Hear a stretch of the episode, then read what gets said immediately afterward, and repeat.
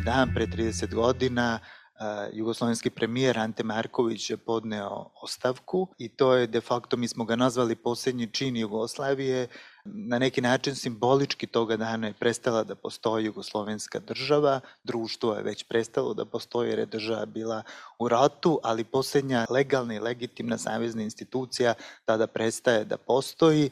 Ante Marković e, je između ostalog tada ostavku podneo građanima jer više nije bilo institucija E, legitimni kojima bi tu ostavku podneo, rekavši da ne želi da glasa, odnosno da donese ratni budžet koji mu je e, bio predlagan i nametan. E, Ante Marković čovek ili premijer posljednje šanse, kako je kasnije nazvan, pokazat će se da to možda jeste bila posljednja šansa.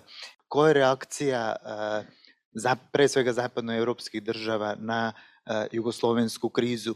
Posebno imajući u vidu da smo mi ovdje vrlo često bili bombardovani narativima da je zapravo Zapad razorio Jugoslaviju, da su je strane sile razbile i slični narativi koji su vama vrlo dobro poznati. Moram priznati da sam nakon poziva morao i sam na neki način obnoviti svoje viđenje ovog događaja koji danas de facto komemoriram, ostavke predsjednika Siva Ante Markovića.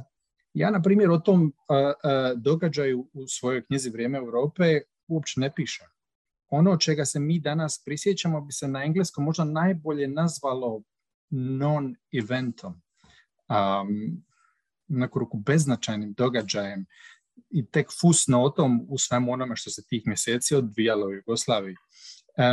u medijskim izvještajima na zapadu iz tog dana, dakle 21. prosinca, e, Markovića ostavka dobila je tek par riječi um, kao dodatak člancima u kojima se pisalo više o zahtjevu Bosne i Hercegovine za međunarodnim priznanjem. U našim medijima, u našoj regiji, situacija je bila tek nešto malo drugačija. I to je zapravo bilo ispravno, jel? Markovićeva ostavka 20.12.1991. dakle mjesec, punih mjesec dana nakon pada Vukovara, dva tjedna nakon najžešćih napada JNA na Dubrovnik, a da ne govorimo o svemu što se dogodilo tijekom tog ljeta i jeseni, je bila baš to, fusnota. Dakle, u neku ruku današnjim prisjećanjem na Markovićevu ostavku mi dajemo doprinos bar tako ja vidim, određenoj antenostalgiji, jel, kako su je nazvali neki od naših kolega.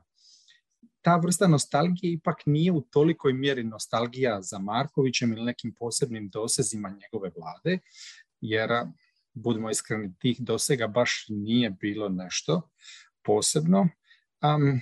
ja je više vidim kao nostalgijom za nekom paralelnom stvarnošću u kojoj se Jugoslavija uspjela demokratizirati, liberalizirati i prijeći na tržišno gospodarstvo. Najvažnije od svega toga, uspjela je to napraviti bez krvavih ratova. E sad, kad je u pitanju međunarodni sustav, kraj je hladnog rata Jugoslavije jednostavno za zapad izgubila svu svoju važnost koju je imala kao bedem protiv sovjetskog prodora, kao primjer socijalizma nezavisnog od Sovjetskog saveza, Međutim, signali koje su jugoslavenski politički protagonisti dobili u tom periodu od e, kolega sa zapada nisu bili signali koji su destabil, željeli destabilizirati Jugoslavensku federaciju ili koji su poticali različite dijelove da krenu prema nezavisnosti. Upravo suprotno, kreatori zapadnih politika bili su praktično jednoglasni u tom periodu, u davanju skoro nikakve podrške jugoslavenskoj periferiji. Oni su zapravo snažno podržavali nastavak postojanja Jugoslavije kao i sve temeljne stupove središnje vlasti u Beogradu. Druga točka koja je po mom mišljenju bitna je faktor vremena. Jugoslavenska se kriza razvijala tijekom dužeg perioda, a, pad u nasilje bio je postupan, često otvoreno najavljen, od mnogih očekivan, sve te teme poput kolapsa imperija, multinacionalnih država, usponacionalizama, pitanje nacionalnih manjina, sve je to, sve to nije, bilo novo na, na, na evropskoj sceni s, e, e, s krajem hladnog rata. Što je još važnije, dakle tek nekoliko mjeseci prije nego što je pravi rat zapravo započeo u ljetu 1991. Zapad je pokazao da ipak može se organizirati, zaustaviti i kazniti agresiju kad je bio u pitanju Saddam Hussein, ne samo zbog invazije Kuvajta, već i zbog terora protiv Kurda na sjeveru Iraka. Dakle, moglo se i moralo se bolje i drugačije, a razlozi zašto nije nemaju veze, po mom mišljenju, s brzinom događaja. E, što se tiče političke volje za vojnom intervencijom Jugoslavije Jugoslaviji tijekom 1991. ta volja zaista je nedostajala u mnogim važnim e, krugovima na zapadu, no problem je bio u tome što je taj nedostatak volje, e, dakle mirovna dividenda koja je trebala doći s krajem hladnog vrata, je bio često povezan sa podrškom, otvorenom podrškom, silama centralizma u federaciji. I kad je rat stvarno započeo sa spremnošću prihvaćanja posljedica takve politike na terenu.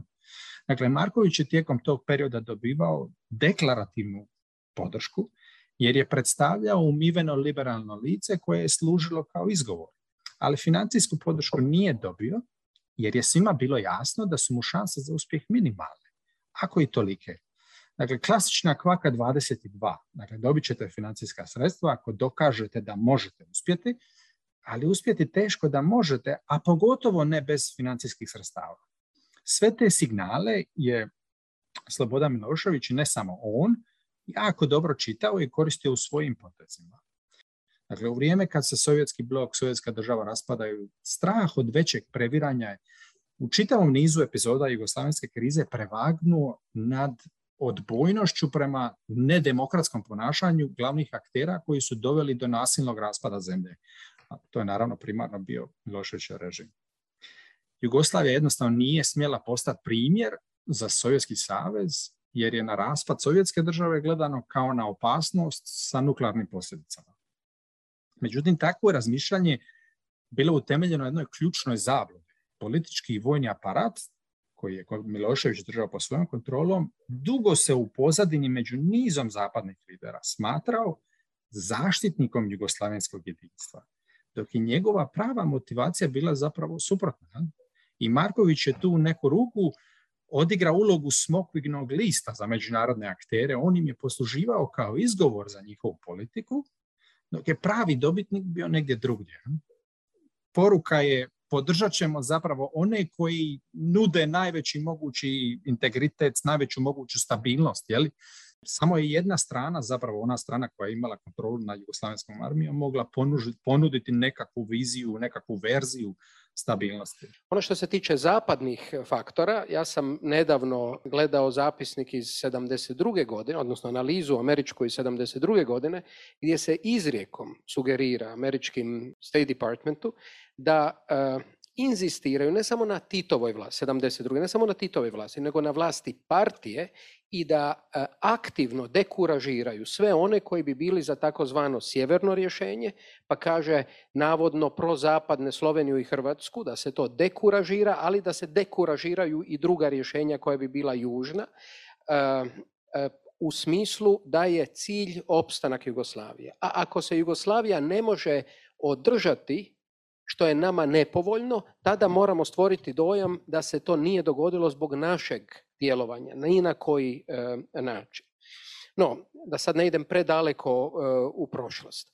Ono što eh, je Marković donio kada je ušao u Palaču Federacije je bio jedan nevjerojatni optimizam on je imao beskrajnu vjeru u ekonomiju, pa i svoju sposobnost da će tom ekonomijom i reformom ekonomije preokrenuti stanje u Jugoslaviji. Sad ono što bi se dijelom, ja mislim, bi upotpunilo ovo što je e, Josip govorio. Ja tu priču e, spominjem u Lončarovoj biografiji, to je naravno riječ u kojoj možemo vjerovati, kada razgovara sa e, Lončarom, kada mu ovaj kaže pa pogledaj kroz prozor, tenkovi idu prema Vukovaru gdje ovaj e, barem daje dojam da to ne zna ili ne vidi ili da toga nije bio svjestan, da je vjerojatno imao preveliku vjeru u neke od dogovora koje je postigao sa e, pretpostavljam Jugoslavenskom narodnom armijom ili krugovima koji su došli iz armije. S druge strane, e, Marković je, i tu je ta taština, bio upozoravan da činjenica da Veljko Kadijević e, jedva dolazi na sastanke Saveznog izvršnog vijeća, da, da, vrlo često šalje svoje zamjenik, svoga zamjenika. Osim toga, Ante Marković je e, bio neupoznat e, kao i ministar vanjskih poslova sa činjenicom da su najprije, da su i admirali Stane Brovet i onda Veljko Kadijević odlazili na sastanak kod ministra Jazova u Moskvu bez da je to javljeno bilo oni tamo u Moskvi traže podršku za neku vrstu puča, odnosno državnog udara. Tako je, traže, traže različiti tip pomoći i oko oružja. Od konzervativnih sovjetskih struktura. Od onih koji su bili na protu Gorbačovljevoj strani. E, e, tu su dirnuli u nerv koji je zapravo strašio jedan dio zapadnih faktora, koji se boje ne samo nekontroliranog raspada Sovjetskog saveza, nego se, nego se boje što će učiniti crvena armija kao nedirnuti faktor u eh, krizi završetka hladnog rata, koji je ostao puno više profesionalan nego što je to bila Jugoslavenska narodna armija ili puno manje politiziran nego što je to bila Jugoslavenska narodna armija, barem od trenutka kad je general Jazov, koji je bio ministar eh, obrane Sovjetskog saveza, eh, kako je to Stipe Mesi često govorio, završio u trenirci jeli, više nije bio u uniformi poslije propalog recimo tako puča protiv e, Mihajla e, Gorbačova. Samo još kratko oko vanjskih poslova. To je ovo što kažete, imate potporu, ali potporu trebate na neki način, ona ne smije biti u prazno. Jugoslavenski diplomati su govorili kada je španjolski ministar vanjskih poslova rekao e, kako može ili da li kud kojim smjerom to ide, da li je to realno i slično onda je odgovor bio pa vi ste iz vaše diktature jeli, izlazili zato što ste imali pomoć od europskih e, partnera, e, otvoreni put, optimističan i tako dalje.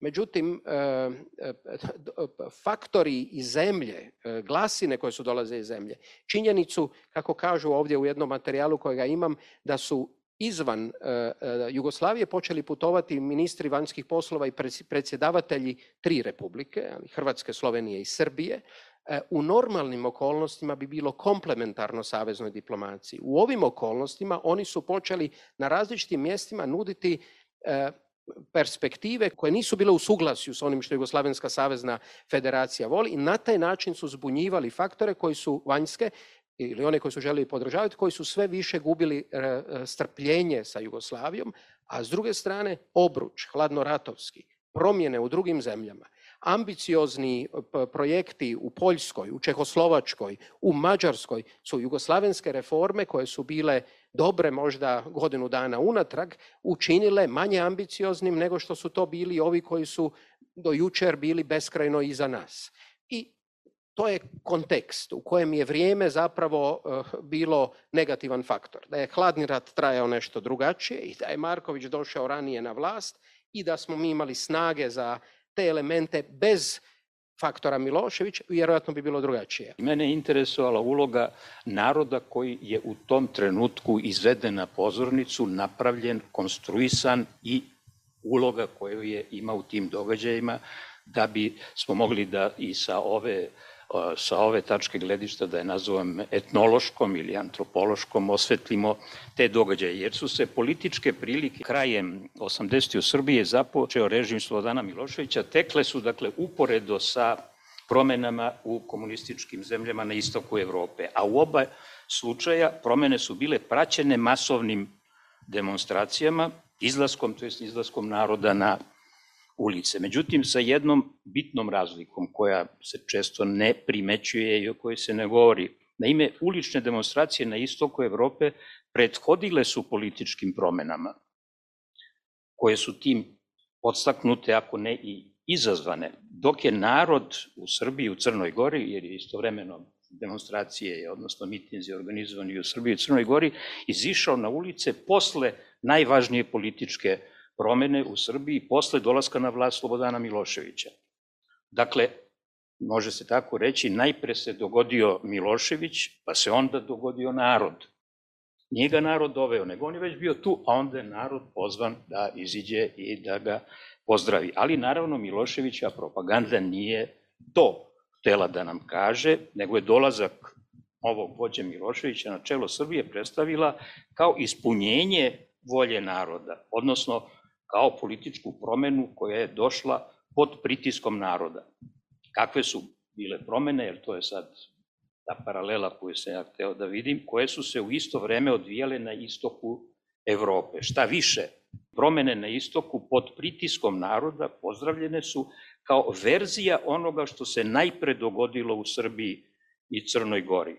I ono što je za mene bilo interesantno a to je izbor slogana koji sa ovih demonstracija na istoku, koji se pojavljivao u novinskim izveštajima, jer su neki novinari po pravilu i u politici, u većim novostima, posebno u režimskim medijima, birali neke slogane koje su izricani, koje su oni čitali na transparentima demonstranata na istoku, pa su isto tako tražili i nalazili iste slogane, manje više, koje su pre toga već bili ispisani na transparentima oni koji su izlazili na miting podrške Miloševiću. Pa je recimo tu citiran jedan iz Nemačke, kaže ulica je tribina kad su druge tribine zatvorene.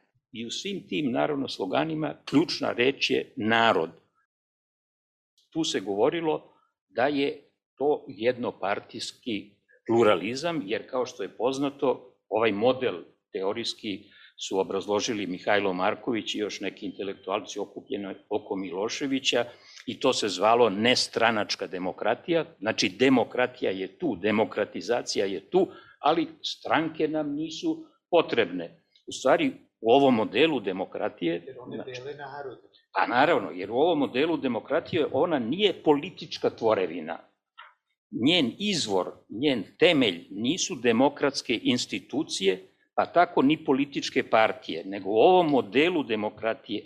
Demokratija izvire iz demokratskog duha, iz demokratskog karaktera naroda. I ovo shvatanje demokratije kao vrednosti koja počiva u duhu, dakle u karakteru, danas bismo rekli u identitetu naroda, jer sad je reč identitet zamenio ono, nacionalni identitet zamenio ono što se zvalo karakter naroda, duh naroda, pa i rasa. Sada se to zove nacionalni identitet i niko u tome ne vidi da je reč znači? zapravo o istom, e, istoj stvari o kojoj se nekad govorilo drugim terminima.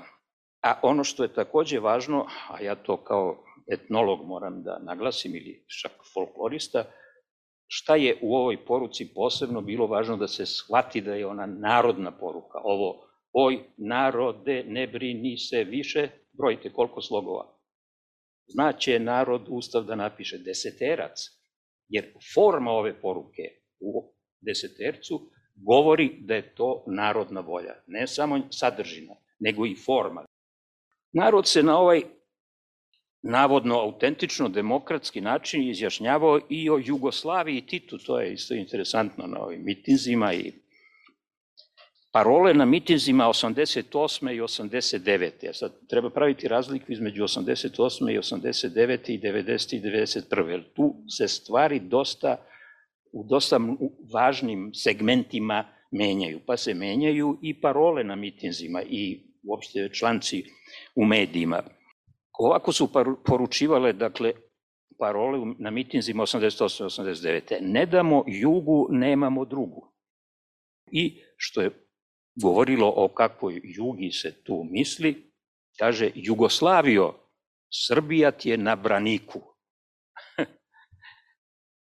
I ko je još na braniku? Na braniku je Milošević. U kojoj ulozi? ulozi novog Tita, što je isto interesantno. Znači, 88. i 89. je Tito bio pozitivan lik. I što će narod onda reći, druge je Tito ostavio pismo da branimo bratstvo i jedinstvo a da Slobodane, sad se narod pita ko će nama da zameni Tita, naravno Slobodan će da zameni Tita, to je odgovor koji se i čuo na tim Ali interesantno je da se ovo Titovo nasljeđe već krajem 90. godine u srpskim medijima na drugi način interpretira, potpuno suprotan. Pazite, sad 88.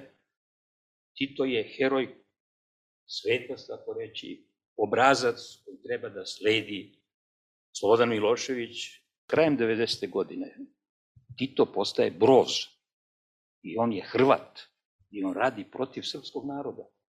Pazite, za dve godine se to otprilike dogodilo. A pa evo, koja je bila sudbina tog modela u Srbiji, to je lako sada možda reći, on je u Srbiji ostao na snazi zapravo i na njemu se danas temelji populistički i autokratski režim Aleksandra Vučića. On narodnu volju poštuje i prema njoj se upravlja, misli Vučić, nalazeći je gde?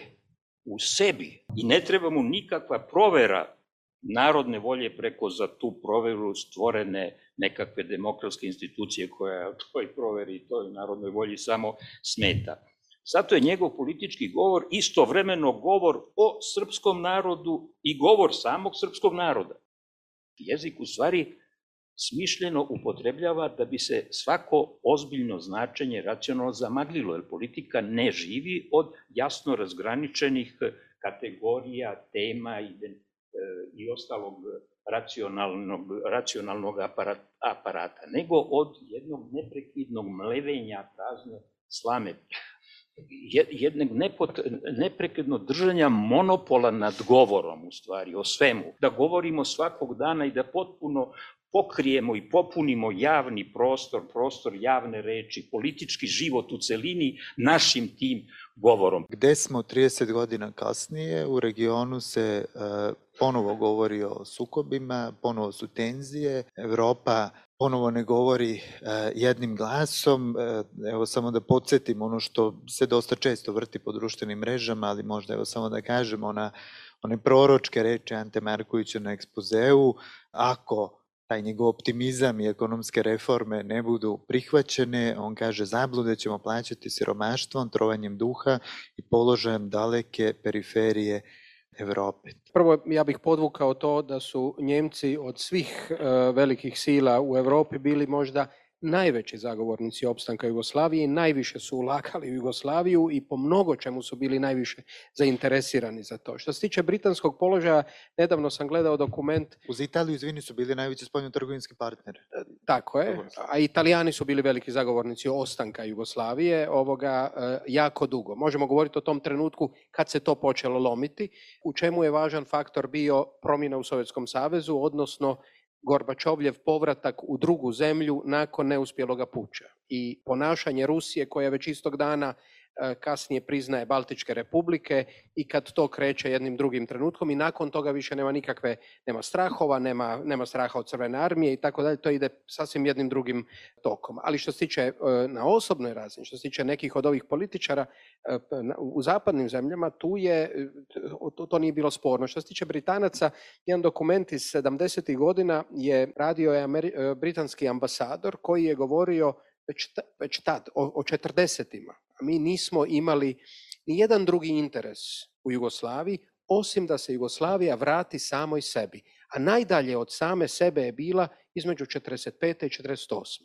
48. godine Jugoslavija se sabrala, i vratila se samo i sebi. Nama je sve da pratimo samo da ne bude utjecaj nekih ili Rusa ili koga god koji će zapravo stvarati probleme. Ali inače što god se kod njih događa. Drugo, mislim da možda ipak trebamo jednu stvar priznati Mislim da sam i ja govorio često o tome. Treba priznat Miloševiću. Milošević je imao sposobnost prodati sebe ili svoju viziju da govori u ime naroda i da piše on sam ustav kao da piše narod ali se je prodao i kninskim četnicima, i klerikalcima, i svima živima, uključujući i Zapadu, kojemu je rekao ja čuvam Jugoslaviju. Ili Srbi kao oslonac koji su najrasprostranjeni, mi čuvamo Jugoslaviju i taj sam ja. I vojska će mi vjerovati, i vojska će biti uz mene. Taj, taj element je on jedno vrijeme prodavao. Hoće li biti e, rata? Ja mislim da neće, e, ipak čak ni u Bosni, ne mislim baš da će biti niti u Ukrajini e, rata, ali to nije odgovor na naše probleme. I nama nije cilj da budemo na začelju, nego je nam je cilj bar da se probamo kretati ka e, koru ili zajedno sa, e, sa korom. E, sad, jel se to događa?